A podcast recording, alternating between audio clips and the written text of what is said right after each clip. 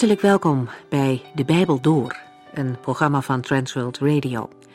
De Bijbel Door is een radioserie die u in vijf jaar meeneemt door de hele Bijbel. Van Genesis 1 tot Openbaring 22.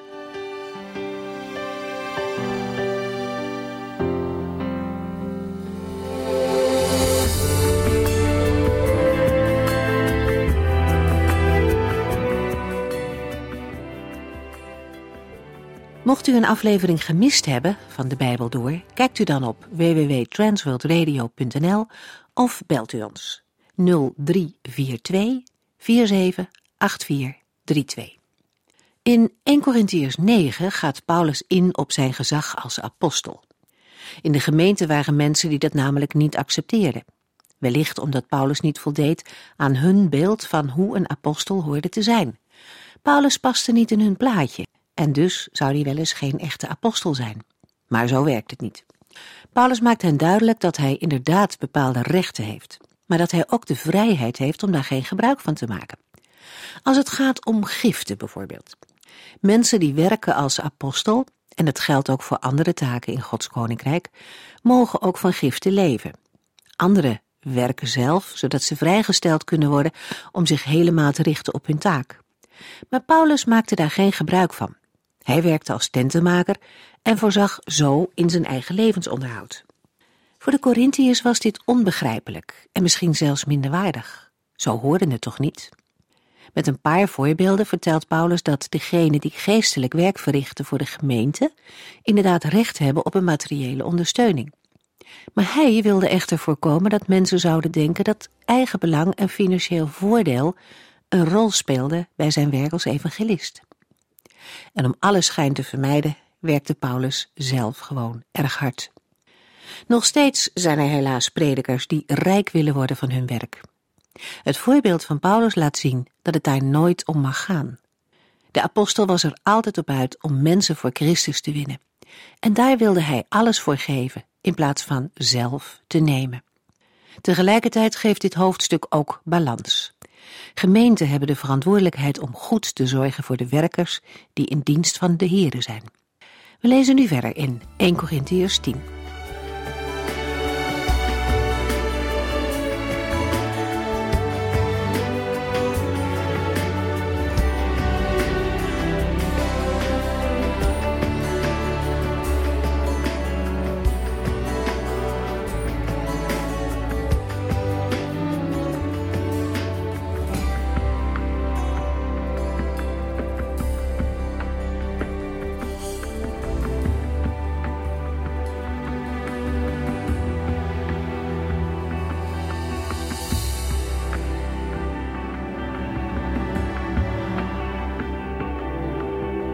Vorige uitzending heeft de apostel Paulus gewezen op het gevaar dat gelovigen lopen als ze zich niet wapenen tegen de verleidingen die iedere dag weer op de loer liggen.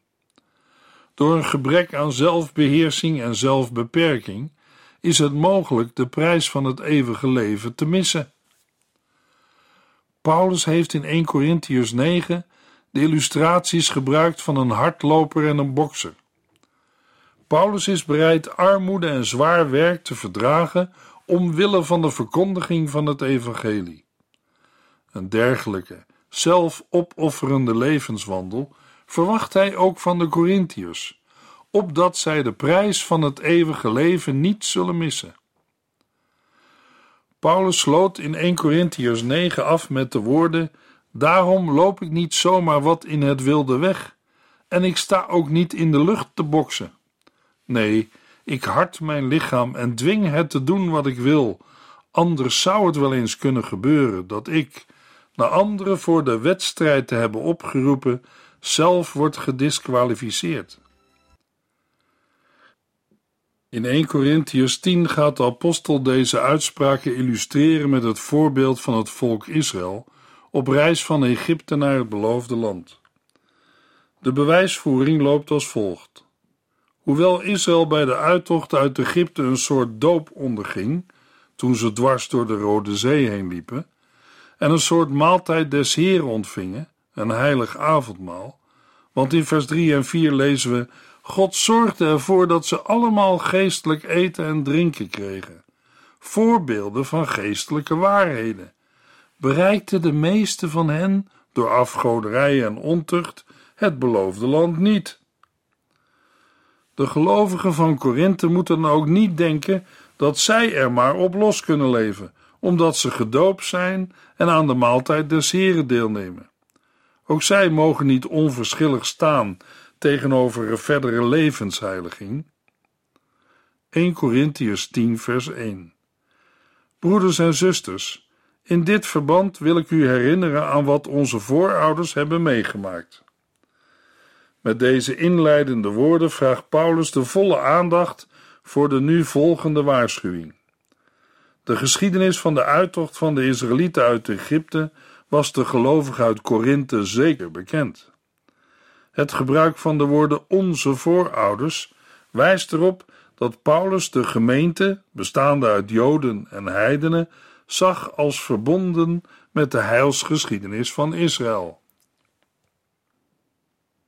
De voorouders zijn in dit verband de Israëlieten die onder leiding van Mozes uit Egypte vertrokken.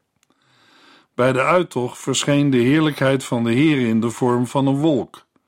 Overdag een wolkkolom en s'nachts een vuurkolom aan de spits van het volk, zodat zij onder de wolk waren. De Rode Zee wordt in de Bijbel ook wel Schelfzee of Rietzee genoemd. Schelfzee komt van het woord schelf dat bies of riet betekent. Het is de Bijbelse naam voor de Rode Zee.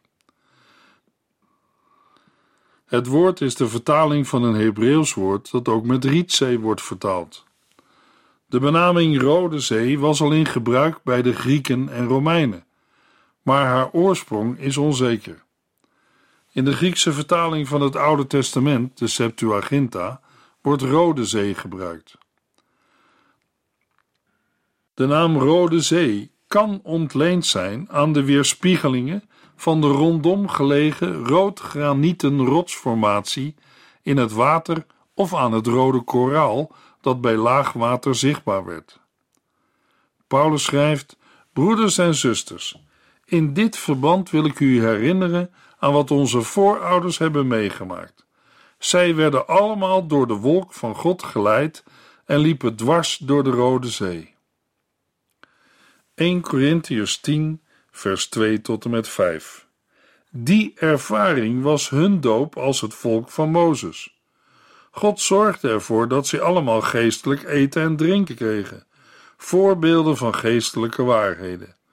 Dat drinken kregen ze uit de geestelijke rots die met hem meeging, en die rots was Christus.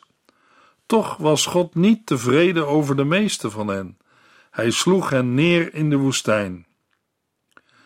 Paulus trekt een vergelijking tussen de gebeurtenissen van toen en die van nu. Om hen aan de macht van de farao te doen ontkomen, redde de Heere de Israëlieten door voor hen een weg door de Rode Zee te banen. Met zijn wolkolom scheidde de Heere de doortrekkende Israëlieten van de hen achtervolgende Egyptische soldaten en strijdwagens. De verlossing onder leiding van Mozes is een beeld van de verlossing door Christus. De uitdrukking die ervaring was hun doop als het volk van Mozes is bedoeld als een parallel met het gangbare woordgebruik in de christelijke gemeente. Gelovigen zijn gedoopt in de naam van de Heer Jezus. Door het water heen is duidelijk een verwijzing naar het water van de christelijke doop, terwijl de wolk een verschijningsvorm van Gods heerlijkheid is en verwijst naar de vervulling met de Heilige Geest. De Israëlieten hebben bij hun uittocht in zekere zin vergelijkbare genadebewijzen van de Heer ontvangen als de gelovigen van nu. God zorgde ervoor dat ze allemaal geestelijk eten en drinken kregen, voorbeelden van geestelijke waarheden. Het volk Israël heeft in deze vergelijking niet alleen deel gehad aan de doop in water en in de Heilige Geest. Ook hebben ze alle hetzelfde geestelijke voedsel gegeten, hetgeen een verwijzing is naar het manna dat de Heere gedurende veertig jaren het volk tot voedsel heeft gegeven. Dit voedsel wordt hier geestelijk eten genoemd, vanwege de hemelse oorsprong en vanwege de genade die ermee verbonden was. Al in Deuteronomium 8, vers 3 wordt aan het volk Israël uitgelegd dat het manna tot doel had het volk aan de Here te binden. Deuteronomium 8, vers 3 om u te doen weten dat de mens niet alleen van brood leeft, maar van alles wat uit de mond des Heren uitgaat. Zo onderstreept het manna de totale afhankelijkheid van Gods liefde. Vanuit het perspectief van vers 16 en 17, het heilige avondmaal, mogen we aannemen dat Paulus doelt op Christus als het brood des levens. In Johannes 6 legt Jezus zelf de verbinding met het manna. Zoals in vers 3 het manna geestelijk eten wordt genoemd, omdat het uit de hemel komt, zo heet nu het water dat door een wonder uit de rots tevoorschijn kwam, geestelijk drinken. Het wonder uit de rots gebeurde bij twee gelegenheden, bij Massa en bij Kades, ook wel Meriba genoemd. Mozes heeft toen met zijn staf op de rots geslagen, waarna er water uitkwam. De beide bronnen bleven daarna langere tijd bestaan.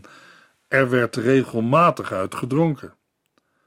Het manna en de rots waren voorbeelden van geestelijke waarheden.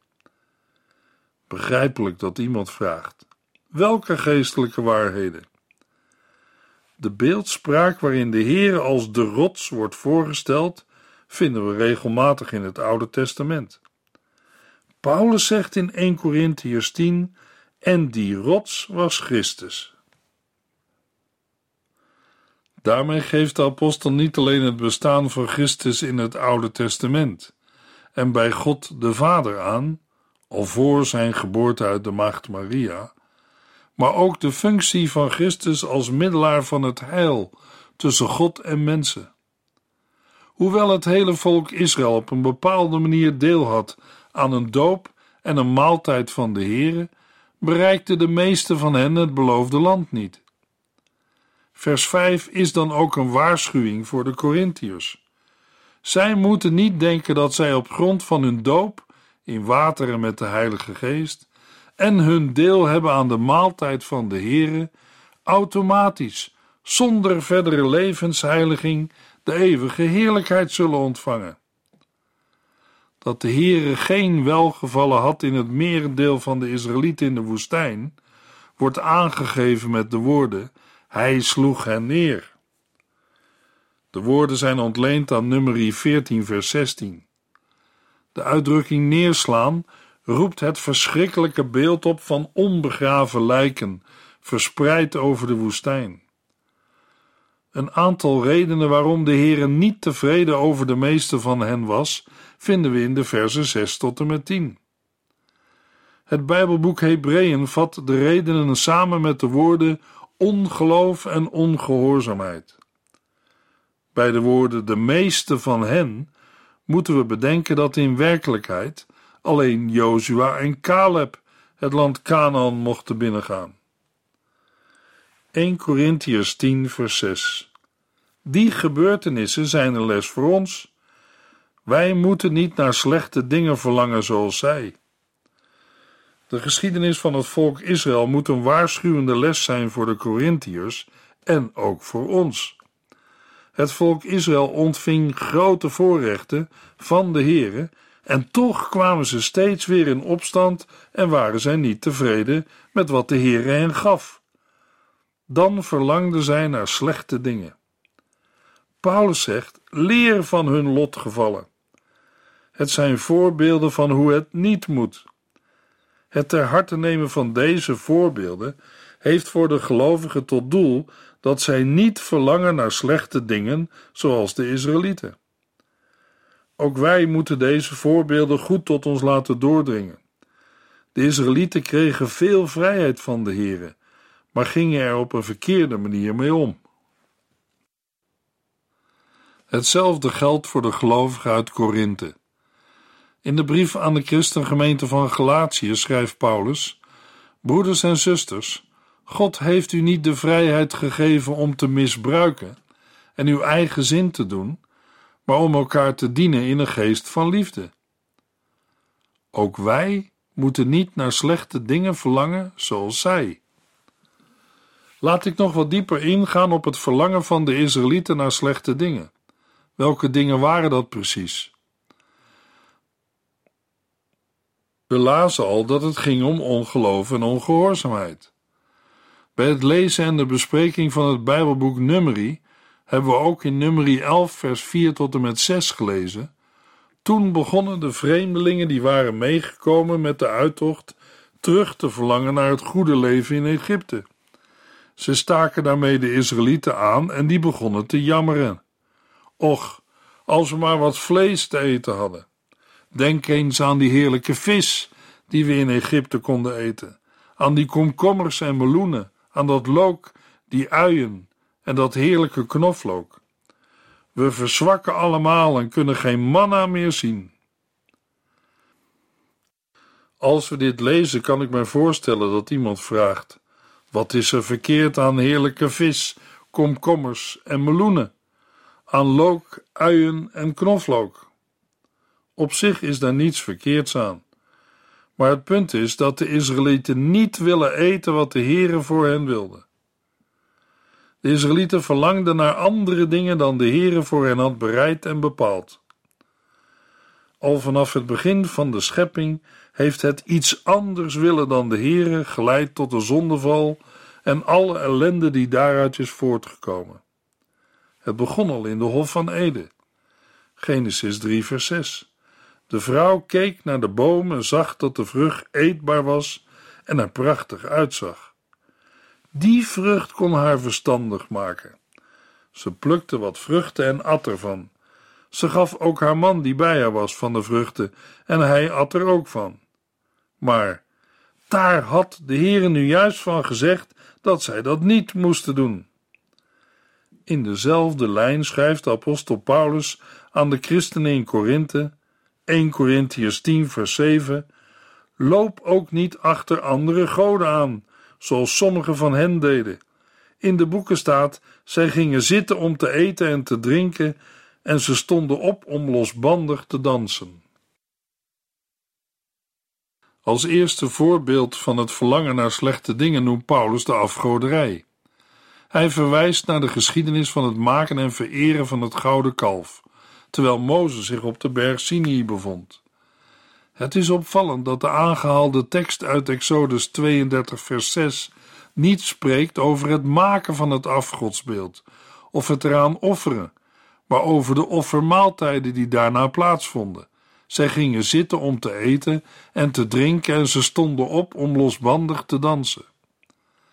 Het deelnemen aan heidense offermaaltijden was ook de afgoderij waaraan sommige leden van de gemeente van Korinthe zich schuldig maakten. De verleiding hiertoe was in Korinthe heel groot.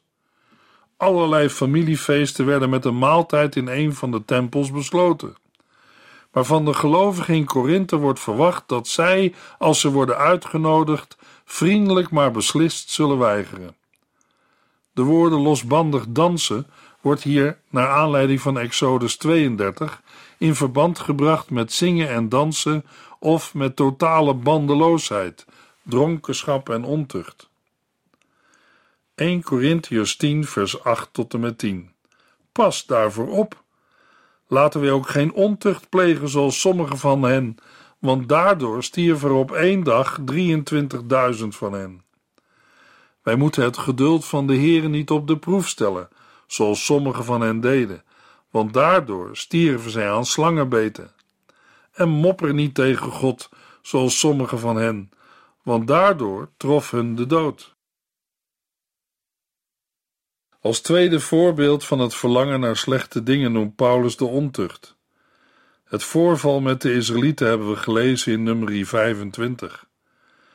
De Israëlieten werden door de Moabieten en de Midianieten uitgenodigd om deel te nemen aan offerfeesten ter ere van hun god Baal Peor. De Midianitische meisjes boden zich daarbij aan voor de bij de offerdienst behorende ontucht. Het totale aantal gevallenen, zowel door een plaag van de Heer als door executie op last van Mozes, bedroeg 24.000. Hoe Paulus aan het getal 23.000 komt in plaats van 24.000 is onduidelijk.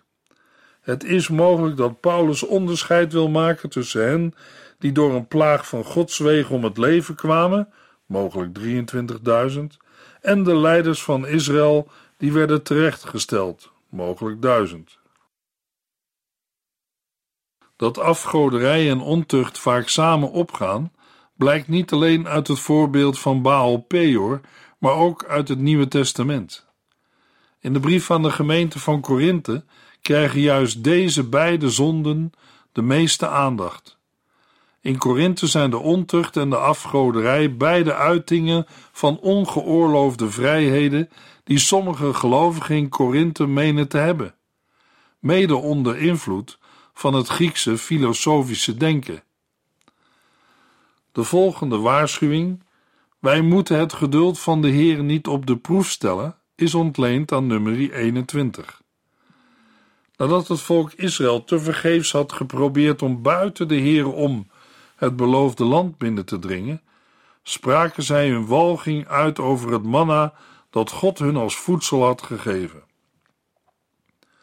Psalm 78, vers 18 zegt in dat verband: Zij verzochten de Heere. Het uitproberen van Gods geduld blijft niet ongestraft. Er komen giftige slangen in de legerplaats, waardoor velen omkomen. Al in vers 3 en 4 is er een verband gelegd tussen het geestelijk eten en drinken dat de Israëlieten in de woestijn ontvingen en de maaltijd van de Heere, het heilige avondmaal. Het minachten van dit geestelijk voedsel kan dan ook vergeleken worden met het minachten van het avondmaal en daarmee met een minachten van Christus. Sommige Corinthiërs verzoeken Christus door hun poging om naast de maaltijd van de Heer ook afgodenoffers te eten. Op die manier stellen zij het geduld van Christus op de proef en halen daarmee een oordeel over zich. Bij de vorige waarschuwing heeft de apostel steeds in de wij-vorm geschreven, waarmee hij zichzelf en zijn medewerkers bij de waarschuwing betrekt. In vers 10 doet Paulus dat niet. De waarschuwing is alleen gericht aan de Corinthiërs. Op verschillende plaatsen in de geschiedenis van de woestijnreis is er sprake van gemopper van het volk Israël. De overeenkomst tussen deze passages is dat in alle gevallen het mopperen zich richt tegen Mozes en Aaron, de leiders van het volk, en daarmee tegen God zelf. Alleen door tussenkomst van Aaron wordt aan de plaag, die 14.700 mensenlevens kost, een einde gemaakt. Met deze waarschuwing laat Paulus de Corinthiërs zien dat zij niet het recht hebben om te mopperen en zich boven de leiders van het volk te stellen, die de Heer over hen heeft aangesteld. Door zo te handelen verzetten ze zich tegen de Heere zelf. In geval van de Corinthiërs moeten we dan in eerste plaats denken aan Paulus en zijn medewerkers en Apollos. 1 Corinthiërs 10 vers 11 Dat is allemaal met hen gebeurd om een voorbeeld te stellen. Het is opgeschreven als een waarschuwing voor ons die in het einde van de tijd leven. Al de hiervoor beschreven straffen en oordelen die het volk Israël zijn overkomen vanwege hun afgoderij, ontucht en rebellie, zijn een voorbeeld voor de Corinthiërs en voor ons. Op last van de Here werden ze opgeschreven, om als waarschuwing te dienen voor de gelovigen van latere tijden. De zinsnede voor ons die in het einde van de tijd leven, wijst in de eerste plaats op het feit dat met de kruisiging en opstanding van de Heer Jezus het einde van de huidige tijd is ingetreden en dat de wederkomst van de Heer Jezus wordt verwacht. In de tweede plaats geeft de genoemde zinsnede aan dat de huidige tijd een beslissend en gewichtig karakter draagt. Het volk Israël miste destijds door Gods oordeel de kans om het beloofde land Canaan binnen te gaan. Nu staat het eeuwige oordeel voor de deur, waardoor bepaald wordt wie toegang krijgt tot de beloofde eeuwige heerlijkheid. Ook vandaag hebben gelovigen vrijheid binnen de grenzen van Gods woord en wil. Laten wij juist daarom bidden: Heere, wat wilt u dat ik doen zal? 1 Corinthiërs 10, vers 12 tot en met 22. Als u denkt dat u nooit zo ver zult gaan, moet u oppassen om niet te zondigen. De beproevingen die u hebt ondergaan zijn niet ongewoon. God is trouw.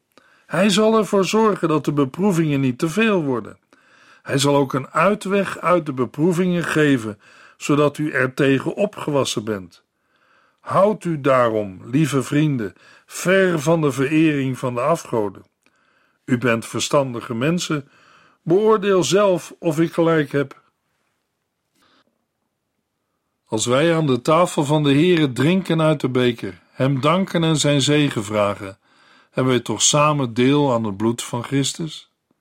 En als we het brood breken, hebben we toch samen deel aan zijn lichaam? Want al zijn wij met velen, wij zijn één lichaam, omdat we allemaal van dat ene brood eten. Denk maar eens aan het natuurlijke volk van Israël. Door van de offers te eten, is het betrokken bij het altaar waarop de offers gebracht worden. Wil ik hiermee zeggen dat een offer voor een afgod toch een offer is, of dat zo'n afgod echt is? Verre van dat. Wat ik wil zeggen is dat de mensen die zo'n afgod een offer brengen, in feite een offer aan de boze geesten brengen en niet aan God. En ik wil niet dat u iets met de boze geesten te maken hebt. U kunt niet uit de beker van de Heere drinken en uit de beker van de boze geesten. U kunt niet bij de Heere aan tafel gaan en bij de boze geesten. Of willen wij de Heere jaloers maken? Denken wij sterker te zijn dan Hij? De gedachtegang wordt besloten met twee retorische vragen. Nee, de Corinthiërs zijn niet zo sterk dat ze een goddelijk gericht kunnen trotseren. En dat, luisteraar, geldt ook voor u en mij. In de volgende uitzending lezen we verder in 1 Corinthiërs 10.